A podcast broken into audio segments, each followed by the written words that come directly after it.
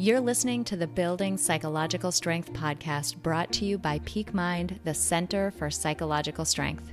This is Mindset Minute Monday. Being altruistic is something that so many of us strive for. It means that we're doing things for others, helping others. But as it turns out, altruism can actually be detrimental when it goes so far as to be pathological.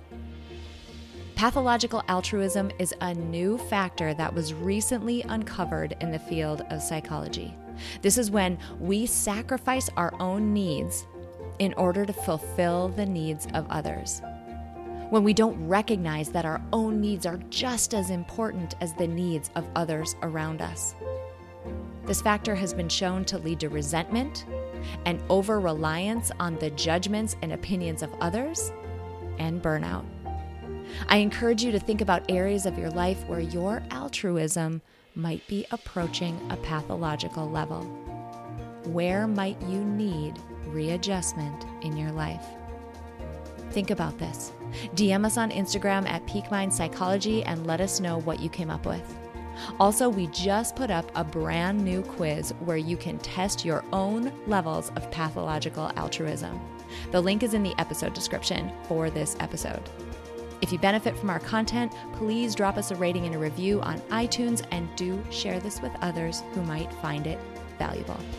We'll see you next week for another Mindset Minute Monday.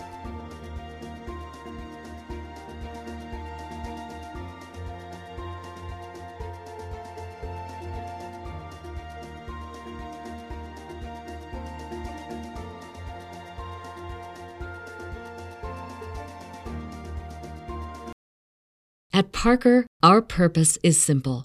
We want to make the world a better place by working more efficiently, by using more sustainable practices, by developing better technologies. We keep moving forward.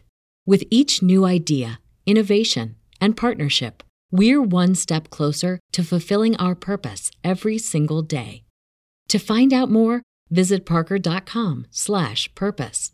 Parker, engineering your success.